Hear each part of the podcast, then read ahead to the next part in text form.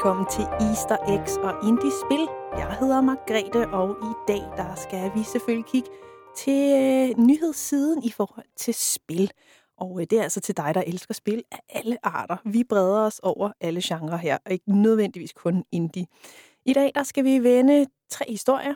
Muligheden for at gå tilbage til nullernes guld, så hvis du er millennial, ligesom jeg er, så øh, sad du sikkert også i nullerne og spillede helt vildt meget. Og der skal vi snakke om øh, et spil, der øh, kan findes online. Vi skal forbi en heldig loppemarkedskunde, som fandt noget helt særligt. Og så skal vi til sidst snakke om Legos seneste påfund i, i forhold til leg og, og læring hos dem. Af spil, der udkommer i den her uge, der har jeg fundet tre. Kort Battle-spillet Ash of Gods The Way, horror-eventyrspillet Bramble, The Mountain King, og så til sidst platformspillet Mail Time, og dem skal vi altså zoome helt ind på. Så lad os bare komme i gang og kigge lidt på de her spændende ting, jeg har fundet til dig. Velkommen til. Den første historie, jeg synes, vi skal kigge på, det er selvfølgelig den her med nullerne. Hvis du ligesom mig sad og spillede computer der tilbage i nullerne, hvor internettet det måske ikke var noget, vi fik lov til at, at gå på så tit, fordi modem og telefonforbindelser og det hele, øhm, så sad man nogle gange og skulle finde nogle kreative ting at lege med på computeren. Og øh, hvis du havde Microsoft 95 Windows, så øhm, var der jo nogle udvalgte muligheder. Jeg har brugt utallige timer på Paint og bare sidde og være kreativ der, men der var også et spil, der var en fast del af Windows 95, og det er altså selvfølgelig Space Cadet Pinball. Og nu har jeg fundet en historie på Gaming Bible. Det er lidt tilfældigt. Normalt så hopper jeg altså ikke på Gaming Bible på, på Facebook, fordi de er øh, ret gode til at køre de samme historier i loop, så du ved, så meget interessant er der heller ikke. Men den her historie, den dukkede altså op, og den tænkte jeg, hey, den kendte jeg faktisk ikke. Fordi man kan faktisk finde Space Cadet Pinball-spillet på en online version. Så du kan simpelthen sidde og spille dit yndlingsspil fra nullerne. og det synes jeg jo er helt fantastisk. Jeg tog et prøv og prøvede at finde ud af, om det stadig kunne noget den dag i dag, og det kan det helt sikkert, når man altså lige har fundet ud af, hvilke taster, der er den ene del af pinball-vingen og den anden vinge, og øh, hvordan det nu lige var, at vi egentlig fik gang i det.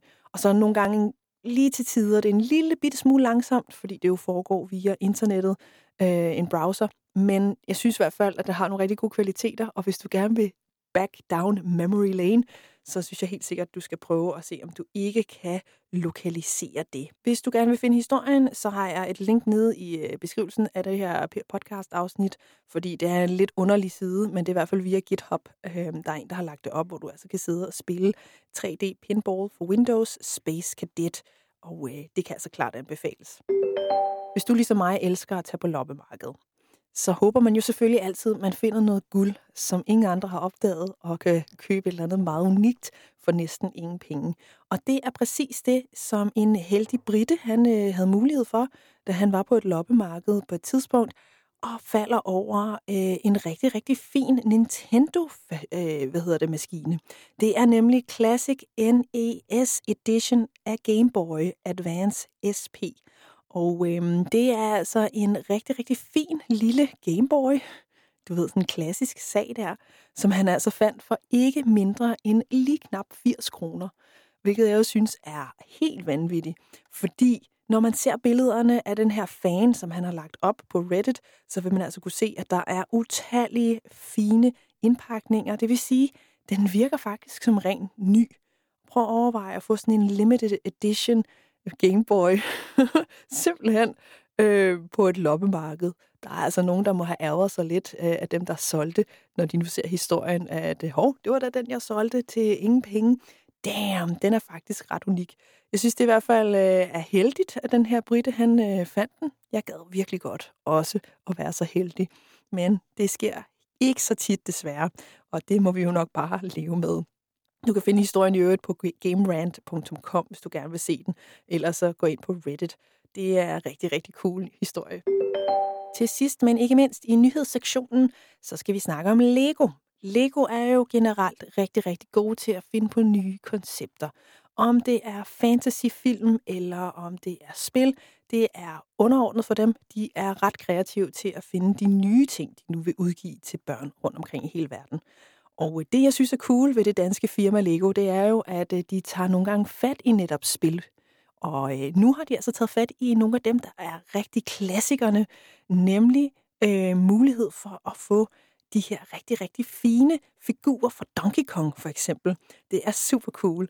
Det er, hvad de kalder for Lego Super Mario-pakken, og det vil sige, at der er altså rigtig, rigtig mange forskellige figurer fra Super Lego Super Mario. Øhm, og øh, der er altså mulighed for virkelig at være kreativ, både med Super Mario, Mario, Donkey Kong og alle de velkendte figurer fra den tidsperiode. Så øh, hvis du er til det her, og du måske har nogle børn, som lige skal eksponeres lidt for noget computerspil, så vil jeg da helt klart anbefale at tjekke det ud, når Lego engang har fået udgivet det.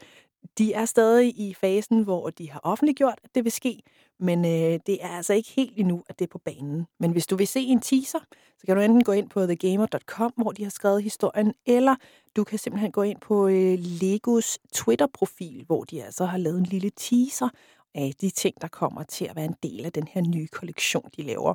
Så øh, det er lidt for spilnørderne, og det er jo selvfølgelig kæmpe fan af. Del 2 af dette afsnit er selvfølgelig de spil, der er udgivet eller bliver udgivet i den her uge. Og øh, jeg har fundet tre rigtig cool nogen inden for lidt forskellige genrer, men alle sammen på Steam. Øhm, et spil, som jeg vil anbefale det er, hvis du er til platform. Og her snakker jeg lidt uh, Jack and Dexter-agtigt platformspil, så de her lidt moderne 3D-platformspil. Og uh, det er spillet Mail Time. Mail Time er lavet af en udvikler, der kalder sig selv for Kela Vanda Deji, tror jeg, man udtaler navnet. Og udgiveren er Freedom Games. Og du spiller som den her mega cute lille øh, paddehattefigur, som skal udgive breve. De skal ud med brevene, den her figur, øh, rundt omkring i øh, landet Grumblewood Grove. Og så er der selvfølgelig nogle små dyr, som virkelig gerne vil have de her forskellige øh, øh hvad hedder det, breve, og øh, der er mulighed for at virkelig få platformspils stemning.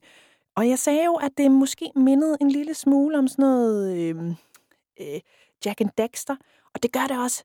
Øhm, men det minder også lidt om de her løvernes kongespil, som godt nok er lidt mere i går så 2D-agtige, men jeg ved ikke, om du kan huske det tilbage fra, ja, det må næsten have været slut 90'er eller start 0'er, hvor man kunne spille de her løvernes konge og Hercules platformspil. Det giver også lidt den stemning, og det virker som et rigtig sødt udforskningsplatformspil øh, med en kvindelig held, hvilket jeg jo synes er mega fedt. Så øh, Mail Time kunne godt være et rigtig godt bud, og den blev udgivet og det er den 27. april, det vil sige i dag, altså på udgivelsesdatoen af den her podcast, at øh, den simpelthen er på banen. Så den burde altså være til at kunne få fingrene i. Spil nummer to, som udkommer i denne uge, også den 27. er Ash of Gods The Way. Og øh, det er et spil, som hører ind under øh, kategorierne øh, rig fortælling, kort battler, taktisk og øh, deck building.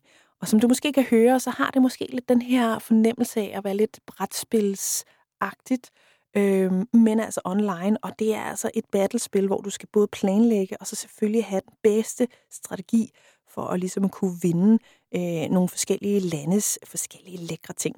Og øhm, det virker til at være et meget taktisk spil. Det er strategi, det er i tredje person, men du skal altså også lave de her øh, opsamling af kort undervejs, og det er altså dem, som umiddelbart skal give en eller anden fornemmelse af gameplay, og, og måske gøre, at du kan vinde. Så det virker sådan som om, at der er noget meget strategisk over det. Så hvis du er til de her strategiske spil, så, øh, så kunne det godt lyde som om, at Ash of Gods The Way kunne være noget for dig. Spillet det er øh, rimelig flot. Det er sådan meget tegneserieagtigt, hvis du er til tegneserier. Øhm, der er mange detaljer i figurerne, og øh, det ser altså rigtig flot ud. Og det er Arum Dust, der altså har været med til at udvikle det, og de udgiver sammen med Game Seer. Øhm, indtil videre er der ikke alverdens anmeldelser, fordi det netop på optagelsestidspunktet ikke er udgivet endnu. Men det virker ret cool, hvis du er til de her lidt mere sådan, øh, strategiske spil, som altså har en enormt flot tegneserieagtig øh, design. Så øh, det er ind på Steam, hvis du synes, det lyder spændende. Til sidst, men ikke mindst, så har vi spillet Bramble The Mountain King. Der er noget med, med dobbelttitler i, øh, i den her udgave af Easter eggs og indie-spil. Men øh, spillet er udviklet af Dimfrost Studio, og øh, det blev udgivet af Merge Games. Og øh, det virker sådan rimelig interessant, fordi det er både lidt horroragtigt, så har det det her meget sådan cinematiske, men den er også meget atmosfærisk og er enormt god til eventyr. Så det er det her dystre eventyr, skriver de selv i hvert fald, der foregår i en verden, der er inspireret af mørke og nordiske fabler. Så der er noget nordisk for os, der er vilde med det. Du kan opleve et smukt landskab og opleve ret vanvittige møder med nogle af de her afskyelige væsener i universet Bramble. Og øhm, der skal du altså øh, ud i det her univers og øh, redde din søster. Så det er ligesom præmissen på historien. Øhm, designmæssigt ser det enormt smukt ud. Øhm, jeg ved ikke helt, nu har jeg set sådan et gameplay af det, øhm, hvor at udviklerne selv sidder og, og viser det frem. Det virker måske ikke 100% færdigt designet, men det har nogle rigtig, rigtig stort potentiale, så jeg tænker helt sikkert, at det kunne være noget. Altså, personligt selv vil jeg måske vente lidt til, at øh, de har fået udgivet det, og vi ligesom har fået, fået testet det på mange personer. Men, øh, men det virker ret spændende og enormt flot, og også nogle lidt særlige ting, du skal gøre. Altså, der er en scene for eksempel, hvor at du øh, skal slås med et af de her dystre væsener, og øh, der er tricket simpelthen, at du skal prøve at ramme ryggen på det her væsen. Sådan meget klassisk i, i de her battles, som der typisk er i de her tredje personsspil, men jeg synes, det virker ret interessant. Så Bramble the Mountain King, den kan du altså også finde på Steam. Så nåede jeg igennem de tre nyheder og de tre spil, og jeg er selvfølgelig enormt glad for, at du nåede hele vejen igennem mit afsnit. Jeg hedder Margrethe Lykkegaard, og det her er Easter Eggs og Indiespil. Tusind tak, fordi du lyttede med. Ha' en fantastisk spildag.